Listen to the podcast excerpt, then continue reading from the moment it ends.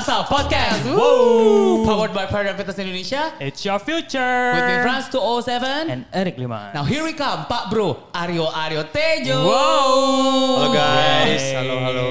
Apa kabar bro? I'm good, I'm good. Thank you Wow, for wow, having me wow. here. You look so fresh. bro. Iya. Of course, I train at Paradigm loh. Wow. Bukan jualan you, guys, bro. itu realita. Realita ya. iya. Oh, dengarkan baik-baik ya. Pak Bro Aryo Aryo Tejo. Latihan di Fitness Indonesia. Makanya jadi fresh banget begini. harus nonton di YouTube, harus nonton di YouTube, Yes. oke? Mhm. Ya. Wow, ini eh, turun banyak kayaknya ya. Oh, turun sih sama ya bro ya. But I guess the the body fat ya Hmm, iya, decreases and all. Oke. Mm-hmm. Ya body fat turun, tapi cuan naik. Ya. Ah, niatnya sih gitu intensinya ya, insya Allah, insya Allah. Semoga di bulan Ramadan bisa Iya, nih ya amin, buat amin, semua. Amin, ya. Jadi hari ini tuh eh, bintang tamu kita tuh berbeda, ya kan? Karena backgroundnya tuh wah businessman, Iya. ya kan? Ntar ada deg-degan sih soalnya ya. Iya, dekan nih, kita Ah. pengen tanya, kita pengen eh, apa namanya eh, sharing juga sih ya, gitu. Benar. Jadi tentang eh, sekarang lagi kesibukannya seperti apa, kayak Hmm. gitu sih. Gimana gimana? Cerita dong.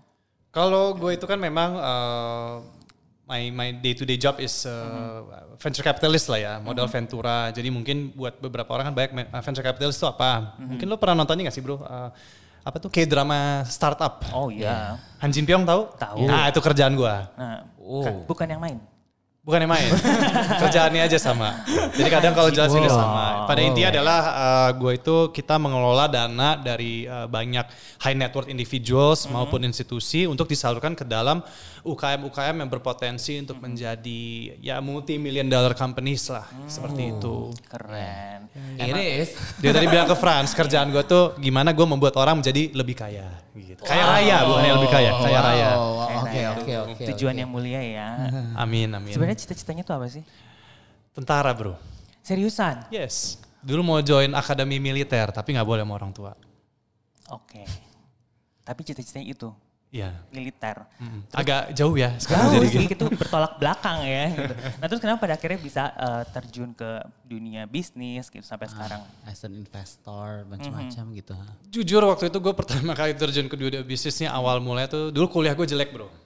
GPA gue tuh 2,3. Ya pas-pasan lulus lah. Oke. Jadi waktu itu mau apply kerja sana sini lumayan ditolak-tolak lah. Dulu gue apply ke Sampurna untuk manajemen trainee, udah sampai uh, lolos ujiannya, lolos psikotes, sudah sampai terakhir pas di interview, kok GPA 2,3. Mhm. Terus dia bilang, kok bisa lolos sampai sini? Ya kan, ya tesnya ya gimana? Tapi GPA 2, aduh maaf nggak bisa minimal 3. Oh ya udah, terus apply apply kerja sana sini susah, terus ya ya udah akhirnya uh, gua kerja di beberapa company ya tiga tahun 4 tahun. Iya. Terus waktu itu gua ngerasa uh, apa ya agak mandek lah ya. Dan gua ngelihat kayak I don't think I'm in the right track di uh, gue sebagai profesional bisa menjadi direksi atau uh, posisi tinggi dalam waktu cepat gitu. Karena ya start gue jelek GPA gue gitu dan akhirnya waktu itu gue modal nekat sih bro ya. Ya mulai aja gitu. Kalau kata Tokopedia apa? Tagline itu mulai aja Mulai ya. aja. ya gitu deh gue lupa. Intinya mulai nekat Mulai ya karena dulu, dulu. mungkin nothing tulus ya karena waktu itu uh, gaji relatif uh, kecil pada saat itu. Jadi waktu gua untuk memberanikan diri uh, melompat itu masih lebih acceptable lah gitu ya kan. Dan dan mungkin banyak teman-teman gue juga gue lihat yang udah uh, kerja begitu lama uh, gajinya salary udah mantap mau, mau mau mau mau menjebur ke entrepreneur kan lebih takut biasanya Iya, karena udah di comfort zone. udah di comfort zone. Jadi waktu itu gue lumayan beruntung. uh, uh, not- it was nothing tulus jadi ya udah uh, fuck it lah gitu. Oke. Hal pertama yang dilakuin pada saat itu your uh, first thing apa tuh waktu itu? Waktu itu pertama gue, itu waktu blank bro ya, gue kayak, aduh mau bisnis apa, terus waktu itu kan lagi uh, rame, uh, apa tuh namanya, batu bara segala macam, dan gue dengar teman-teman gue, ya lo bisa kaya lo cuma brokerin doang, kenal kenalin, oh ya bisa ya begitu ya, akhirnya gue ngejalanin tuh brokerin setahun, brokerin, uh, wah udah ngayal tuh, wah ini ada proyek udah mau tembus, wah Maya nih dapat 10 miliar. Gitu kan, kayak wah Oh, oke. Uh, kayak mendadak. Waktu itu umur gue kan 24 waktu itu gue mikir wah 10 miliar wah gue udah gue liat-liat mobil Bentley berapa ini berapa udah tau mau beli apa tuh. iya, iya. tau nggak bro apa yang terjadi proyeknya terjadi gue gue nggak dapet ya ujung-ujungnya gue dapet 100 juta Wow. Oke. kayak holy fuck man gitu. But ya gue waktu itu bersyukur aja maksudnya udah alhamdulillah at least gue dapet ya gue belajar dari situ kalau bisnis is is tough gitu. Bisnis is apa ya um, kayak binatang kali ya ibaratnya nothing there is no rule gitu. Promise is promise but ya I learn a lot there. Akhirnya gue mulai tekunin dan gua somehow became somebody yang uh, belajar di situ adalah somebody who's good in negotiation, who's good in networking, who's good to access people and everything. Dan, dan akhirnya waktu itu gua yaudah abis itu gue sempet bekerja di uh, balik lagi bekerja di Medco. Medco Power gitu. Jadi waktu itu Medco Power tuh main pembangkit listrik. Gue mau lihat nih skill yang gue dapetin waktu itu bisa nggak gue iniin ke company. Ya anyway, long story short, uh, I learned so much in networking. Akhirnya gue menemukan jati diri gue. Gue tuh sebenarnya apa? Ini yang orang selalu nanya. Lu tuh apa sih yo? Apa kalau orang finance? Apa kalau orang marketing atau apa? Bukan. Gue itu adalah seorang konektor. I connect people. I do relationship businesses and everything else gitu. kan. So somehow I make my money from my mouth ceritanya gitu. Om cacot cacot cacot cuan Yeah. cacot cacot cuan. Itu uh, skill yang alhamdulillah gue dapetin selama ini kan. Nah akhirnya gue di situ ngeliat nih, kenapa akhirnya gue terjun jadi Han Ji Pyong nih ceritanya nih apa venture capital. Karena waktu itu gue lihat dengan skill gue, kalau gue bermain di dunia uh, batu bara, di dunia industri yang udah existing, I was a nobody gitu. Gue umur muda, kecil, nobody give a damn about me. Ya, akhirnya gue ngeliat industri baru muncul. Waktu itu juga orang, apaan tuh bikin website gini-gini, emang ada duitnya. Bokap gue aja sampai, aduh lu ngapain sih, aduh, aduh, aduh, please, please balik aja ke tambang gini ya, biar kamu eh, lebih punya masa depan jelas.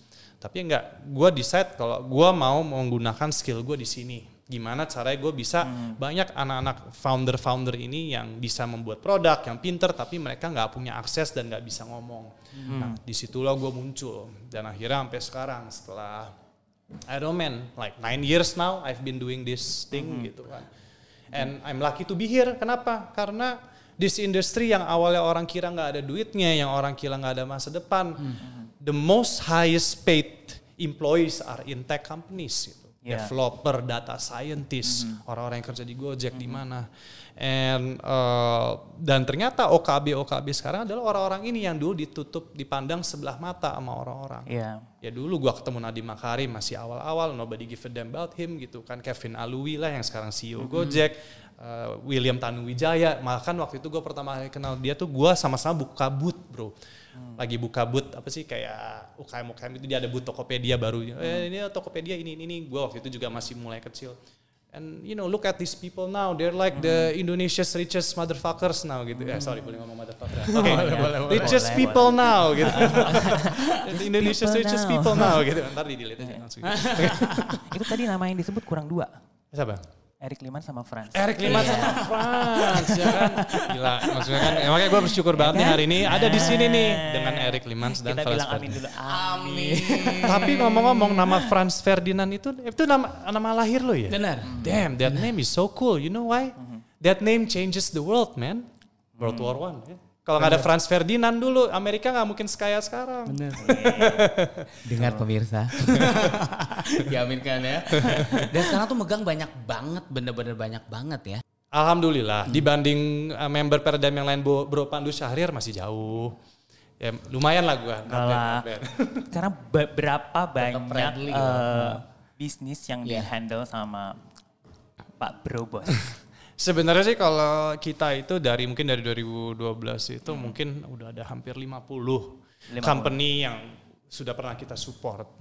Tapi uh, honestly speaking mungkin sekarang hanya tersisa ya mungkin kalau lihat website kita I guess less than 20 gitu kan karena this industry is high risk bro. You know, you can be super rich or you can be super broke gitu kan.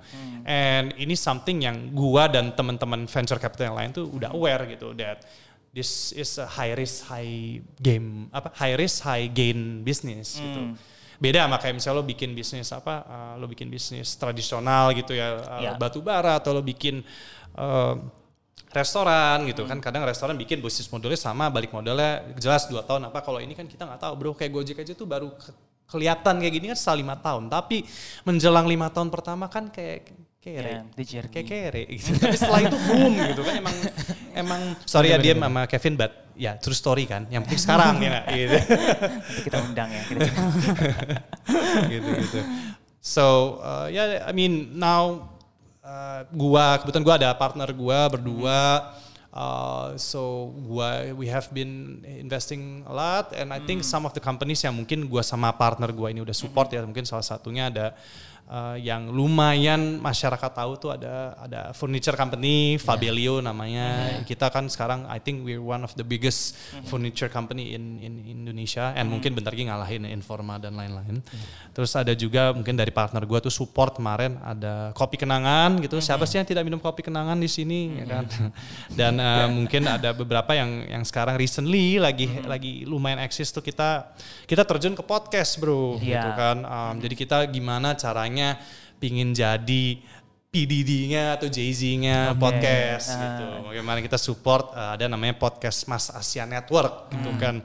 Uh, salah satu talentnya adalah podcast Mas yang kebetulan sebenarnya sih nomor satu di Indonesia tapi nggak tahu dari kemarin satu dua satu dua ya udah gue bilang aja nomor satu lah ya gitu Ya. nomor satu di Indonesia dan kebetulan beberapa talent kita tuh sudah masuk uh, di top 20 lah Uh, ada we have six now di top 20 dan hopefully nanti gua uh, bisa jadi uh, PDD atau Jay-Z buat uh, podcast gitu ya.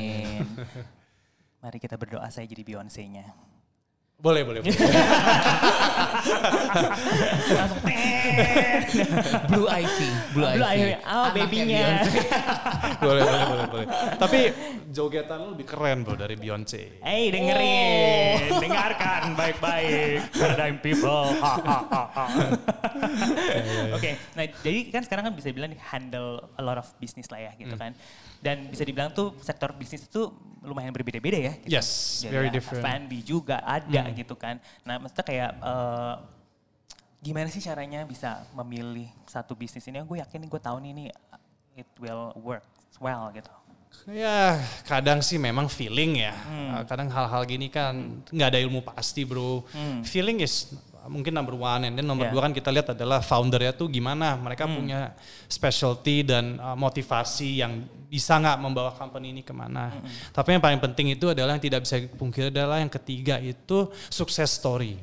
Sukses story di negara luar gitu. Kayak misalnya kan kalau kita lihat tadi Gojek, uh, kita jangan lihat Gojek ojek ya, tapi secara bisnis model kan sebenarnya tuh Uber gitu kan. Ya. Uber kan di Amerika sukses gitu. Terus ada kalau di Indonesia sekarang Dana, Dana besar ya itu besar di Cina ada namanya We, apa WePay gitu Ya. kan dan sebagainya.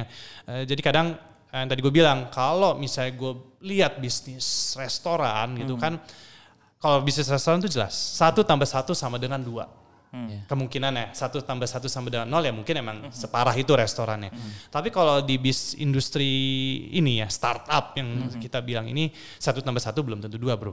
Karena there is no rule, there is no history, there is no benchmark. Jadi semua tuh baru gitu kan. Oke.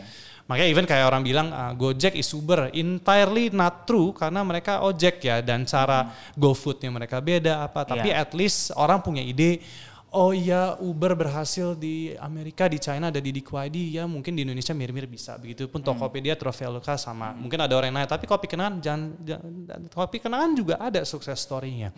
Satu mungkin pernah dengar di China Lakin Coffee, waktu itu sempat hype.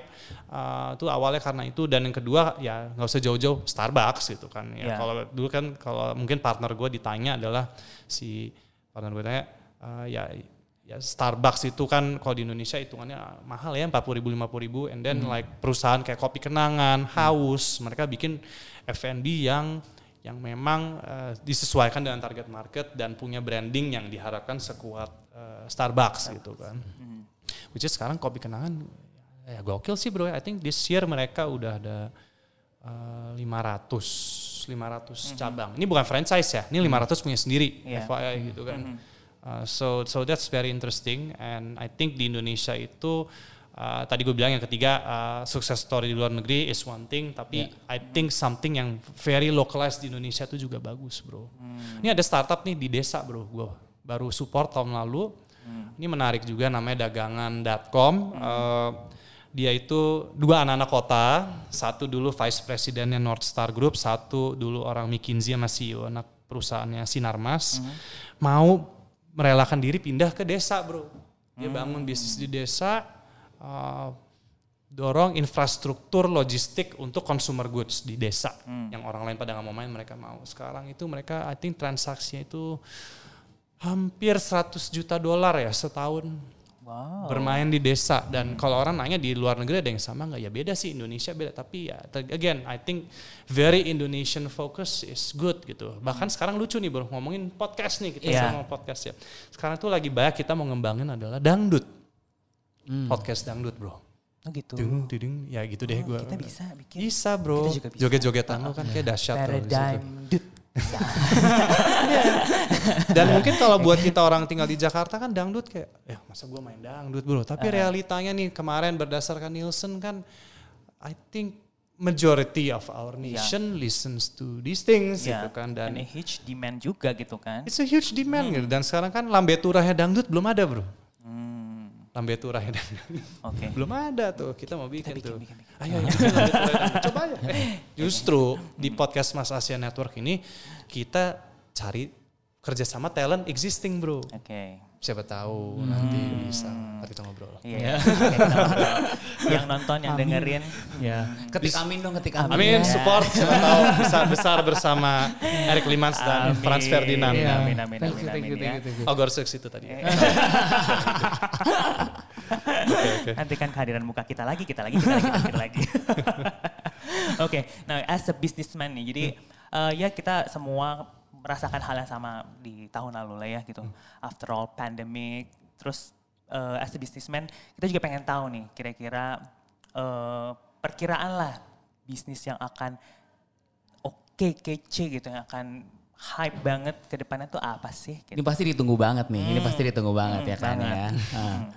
kalau yang pasti yang nggak ada mati itu F&B bro it's no joke that even before COVID COVID post COVID now is growing really well ya. Yeah. kecuali dine in ya when I say F&B itu yang GoFood GoFoodan sih itu gila bro meroket jadi gue selalu bilang sama temen-temen gue kalau lo mau start F&B it's not too late gitu even lo mau main kopi juga kayak orang ah tapi udah ada janji jiwa udah ada kopi kenal dan ini it still works itu Iya, iya, ipar gue iya. bikin cuan-cuan aja gue kadang bingung orang kopi ya. oke. nggak ada matinya loh Oke, oke. But other than that, mungkin kalau memang lo mau agak niat dikit, intensinya adalah mau bikin multi billion, billion dollar bisnis. Gue tuh selalu believe sama yang namanya uh, recycling bisnis ya, kayak sampah, kayak apa. Orang kadang males bro ngelakuin karena repot. Tapi tapi it's a big, it's a real issue di dunia ini dan and we're talking like trillions of tons kali ya sampah yang nggak jelas nih mau diapain. Makanya kalau dulu kan ada tuh orang kaya istilahnya mafia sampah kan. Tapi yang dulu mafia sampah zaman itu sama zaman sekarang beda. Ini Beda. harus lebih uh, punya sistematik, teknologi yang lebih baik dan sampah. Dan yang kedua mungkin pangan sih uh, nggak ada matinya ya. Kalau gue lihat tuh populasi ini 30 tahun, 4 tahun lagi prediksi gue nih udah berat bro. Susah. Apa makin numpuk orang, eh, protein makin susah nih nanti. Sapi, ayam, ikan. Makanya gue tuh selalu bilang bullish tuh sama itu tuh yang daging-daging bohongan tuh, tau gak lo? Iya. Impossible meat apa segala. Mungkin kalau kalian bisa bikin di Indonesia boleh tuh bro, menarik tuh. Belum ada soal di Oke, Indonesia. kita bisa bikin apa pun. Bisa, bisa. Palu gada lah ya. Bisa, ya. Gada, Palu gada. You know me so well. mungkin tiga yang yang mungkin orang kayak masa sih eh, ini podcast. You know, tadi gue sempat bilang sama kalian ya, think of podcast is like YouTube in 2013, 2014. At that time juga duitnya juga belum ada, bro. Yeah. But few years later, when you got it, when you're there already, ya you, ya udah you own it gitu kan. Dan when I talk with teman-teman yang emang youtuber-youtuber, gue sih shock ya penghasilan mereka per bulan dan gue kayak ngapain ya gue jadi venture capital atau bisnis ya, mending gue jadi youtuber. YouTuber. Asli bro, gue sampai shock temen-temen gue ya. Ah. Katanya, Iya lagi turun banget nih covid. Eh emang berapa? 800 juta sebulan. Anjing lagi turun banget 800 juta. Terus, emang tadinya berapa? Ya dua setengah, tiga. Wow. Wow gitu kan. Terus kayak kemarin siapa tuh Andre Andre Taulani gitu juga kayak "Oh, kaget men. Hmm. Tapi eh, tapi ini something yang gue kadang gue pingin jadi artis biar begitu. Tapi artis datang ke gue. Bener. Artis datang ke gue. That's "Yo, the point. gue Iya. bosen yuk jadi artis. Gue gue malah pengen cuan jadi artis gimana ya udah akhirnya gue barter sama mereka. Gue bantu mereka berbisnis, mereka bantu gue untuk jadi artis. Tapi gue nggak nggak jadi jadi kayak artis ya. Belum ada yang bayar gue mahal. Enggak lah. Siapa yang bisa bayar ya? Ini makanya karena Aryo sekarang udah jadi artis, Bener. ya kan, Bener. dengan background businessman, hadirlah di sini, ya kan, untuk Tapi- share tapi- ya, exciting ya, ya. story di sini. Iya iya iya. Tapi Eh. menarik tuh bro, artis-artis itu ternyata udah kaya, pengen lebih kaya dan dia bilang, Hmm. Untuk gue bisa lebih kaya adalah jadi entrepreneur. Artis aja ngomong gitu. Hmm. Berarti memang I think gue senang sih kalau gue ngomongin entrepreneur adalah uh, it, you don't have to do entrepreneurship now, tapi at least lo udah mulai tanamin dari sekarang kalau lo punya intention one day you want to build something. Bisa tiga tahun lagi lima tahun lagi it doesn't matter. Yang penting udah mulai punya mindset. Iya, ngelihat aja gitu observasi. Yes. At least you have the vision and then ya mulai cari tahu langkah-langkahnya kayak apa sih, Yes, ya kan? ya. jangan nanti lo udah 50 mau bikin bingung juga, aduh mulai Mm-hmm. dari mana apa, udah mulai perhatian, perhatiin aja. Mhm. Karena kan juga sekarang ba- banyak orang yang pengen bercita-cita tapi have no action. Jadi ya Yes, gitu kan. Gitu. betul, betul, Nah betul. mungkin ada kayak ci pesan-pesan. Kiat-kiat nih buat orang-orang yang pengen eh, trying to eh, build their own business Yeah. yang nantinya mereka pengen mengembangkan usahanya mereka lah gitu. Oke, I guess yang paling penting ini sih ya bro, time management. Hmm. Itu menurut gue penting banget karena yang tadi kan lo sempat bilang adalah orang banyak punya niat tapi tidak dijalankan. Kenapa? Karena mereka kayak, wah gue nggak ada waktu nih, Hmm. gue ngantor, gue ini, gue itu, gue apa, kapan gue mulainya. Nah itu yang gue bilang, kenapa gue bilang time management? Yang orang suka lupa adalah dalam hidup sehari-hari kita itu, Hmm. kita tuh cuma punya waktu 24 jam. Mhm. Seminggu tujuh hari dan sekian bla bla bla bla, tiga Ya. dan dan kadang kita juga lupa kalau nyawa kita kan juga tidak ratusan tahun bro Hmm. nyawa kita terbatas gitu kan. Jadi kita harus punya set nih what we want to do in life to achieve that lo mau bikin bisnis by umur berapa, but in order to build the business you need time to prepare dong. Betul. Berapa jam yang lo harus uh, budgetin buat prepare tuh. Jadi yang gue bilang ke orang-orang adalah lo nggak usah berpikir kalau waktu lo tuh nggak cukup atau apa. Kadang ini juga orang suka seenak jidat ngomong ke gue gini. Lo kan enak, lo kan bosnya lo ini Iya, apa? iya, iya. Nggak juga bro. Gua uh, office hour tetap 10 sampai jam 8. Tapi gua benar-benar disiplin. Makanya kan uh, gue latihan paradigm pagi. Nah, itu dia, ha-ha. Gua apa? Karena gue benar-benar budgetin. Karena gue lihat I have this limited time every day, every week. Apa yang gue bisa lakuin gitu? Hmm. Gue suka main game. Gue suka ini suka mabok. Gue suka apalah inilah itu macam-macam. I, Iya, iya. I I do a lot of things sampai akhirnya waktu itu gue kayak kok gue bisa ngelakuin ini semua ternyata pas gue lihat anjing ini emang nggak make sense sih. Iya. Akhirnya banyak yang terbengkalai. Akhirnya pas gue realize waktu gue mau mulai budgetin time management gue, gue realize kayak gue harus sacrifice. Apa yang nggak beneficial buat gue dan apa yang tidak berguna ya gue singkirin aja gitu. Hmm. Minum tetap seminggu sekali lah sekarang gitu. Life is Party about guy ya, balance party ya. guy tetap ya. Tetap, tetap. Businessman. businessman, party guy. Party guy, Ya kan? Latihan juga. family man juga. Family man, benar benar benar benar. Ya Latihan kan? juga Iya. bro. Jadi uh, mungkin buat teman-teman mulai dilihat gitu budgetin, lihat sehari-hari tuh apa bener lo nggak ada waktu untuk belajar, apa bener lo nggak ada waktu untuk memplan. Iya. Pasti ada bro. Lo nya aja yang mungkin buang waktu nonton Netflix sehari 6 jam ya, Iya, satu iya, season iya. habis Eh, gitu satu kan. season 20 episode Ah. ya kan. Segitu pencet ada lagi yang baru. Baru kelar. Lanjut. Lanjut. Tapi bukan gua- bukan gue hipokrit loh. Gue nonton Netflix. Ini nonton. Gue nonton tetap. Cuma maksud gue uh, ya kita kan manusia ya bukan robot. Betul. Cuma at least kita kadang suka punya alarm diri aja kayak, eh Hmm. kayaknya gue udah kelebihan nih. Masa gue sebulan nonton tiga season. Stop, stop, stop. Eh, Ya, tiga- ya. mending tiga season, tiga seri. Tiga seri. Bahaya- tuh. Iya iya iya. balik lagi. So always I think uh, always reflect every day juga kalau lo udah mulai agak ngerasa berbelok atau pivot, tarik lagi diri lo buat balik ke jalurnya lagi. Ntar Oke. agak mengim ini lagi tarik lagi. Iya. Kayak lo aja diet sekarang kan kayak sukses kalian berdua Oh. turun lah. Yang satu udah berapa belas, satu udah 20 Iya, gitu iya, kan. iya. Berarti kan kalian udah bisa merasakan tuh untuk bisa keep on track lagi tuh gimana nariknya kan. Jadi- ada tuh. jadi kita bagus basicnya. ya? Bagus. Ya. Kita bagus. sebagai ex obis kita bertiga ya kan. Dulu gue 115, lo Iya dulu kan? 100 juga apa? enggak enggak enggak. enggak. Kalau yang 100 100 triliun aja saldonya. Amin, amin, amin, amin, Amin. ya kan? Triliun dolar ya, jangan Iya dong. Zimbabwe dolar eh, jauh juga. Dari kan nanti. 115 tuh turun itu eh, gimana sih? Cara-caranya tuh ngapain aja? Dulu gue ya itu tadi kan. Again, it's, everything is about managing your schedule ya, time-nya. Karena waktu itu kan orang tuh kayak gue mau kurus mau apa, tapi ya udah lo mau turun sampai berapa lama? Banyak orang kayak gue turun kok sekilo tiga bulan. You know, like Iya. hal gitu kan it doesn't work, right? Jadi gue tuh ngelihat, gue maintain, gue melihat adalah motivasi. Motivasi itu kan tidak selamanya ada. Ya. Motivasi itu kayak anget-anget tai ayam gitu bro. Bener nggak? Bener, Maksudnya bener, kan, bener, bener. Lo kadang semangat nih bulan ini, bulan depan semangatnya hilang. Jadi Iya. gue understand uh, limit semangat gue tuh Iya. berapa lama. Sem- Limit semangat gue itu mungkin gue oke kayak gue tiga bulan deh gitu. Habis itu kayak gue menyerah. Akhirnya gue bilang gue gimana caranya dari tiga bulan ini gue bisa maksimalin. Terus gue belajar ternyata orang itu boleh nurunin berat badan itu se- se- uh, sehari sekilo ya. Eh sehari sekilo, sorry. Seminggu sekilo. sorry. Jadi sebulan 4 kilo, jadi uh, tiga bulan 12 kilo. Waktu itu kan emang gue kalau dari waktu itu gue 115 kilo mau sampai sekarang kan jauh ya. Gila gue tiga bulan cuma turun segitu. Tapi ya gue belajar, mungkin kalau orang akan berpikir, ih tiga bulan 12 kilo lama banget. Kemarin temen gue ada tuh yang bisa 10 Iya. kilo dalam waktu sebulan. Ya itu kan cara salah ya, nggak maraton, nggak apa. Lu juga kan lumayan ya. ah, hampir Lumayan. setahun, Nat, lumayan Iya. lama kan Iya, gitu kan. Karena kita kan backgroundnya atlet. Iya sih, iya sih lo Iya atlet kan? sih. Atlet, hitungannya kita bener. atlet. Kalau lihat foto lo zaman dulu sih, gila bro, Iya, packsnya iya. sih. Soon. Coming soon. Iya, iya, iya. Jadi itu kan managing your expectation. Jadi waktu itu kita kayak managing expectation tuh penting. Jangan sampai kayak tadi gue bilang, ternyata realistisnya dalam tiga bulan adalah gue turun 12 kilo. Ternyata ada orang menjalankan itu turun 12 kilo dari 200, misalnya berat dia 200 kilo gitu.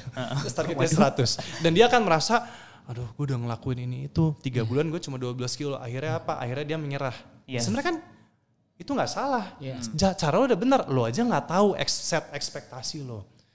Jadi set ekspektasi itu penting untuk to keep you motivated and then to keep you understand that you're doing the right track. Yes, gitu kan. dan appreciate the And appreciate progress. gitu kan. Makanya tadi uh, gua itu selalu melihat adalah kita di hidup tuh punya end goal gitu, punya big win. Tapi untuk mencapai big win itu kita harus punya small win.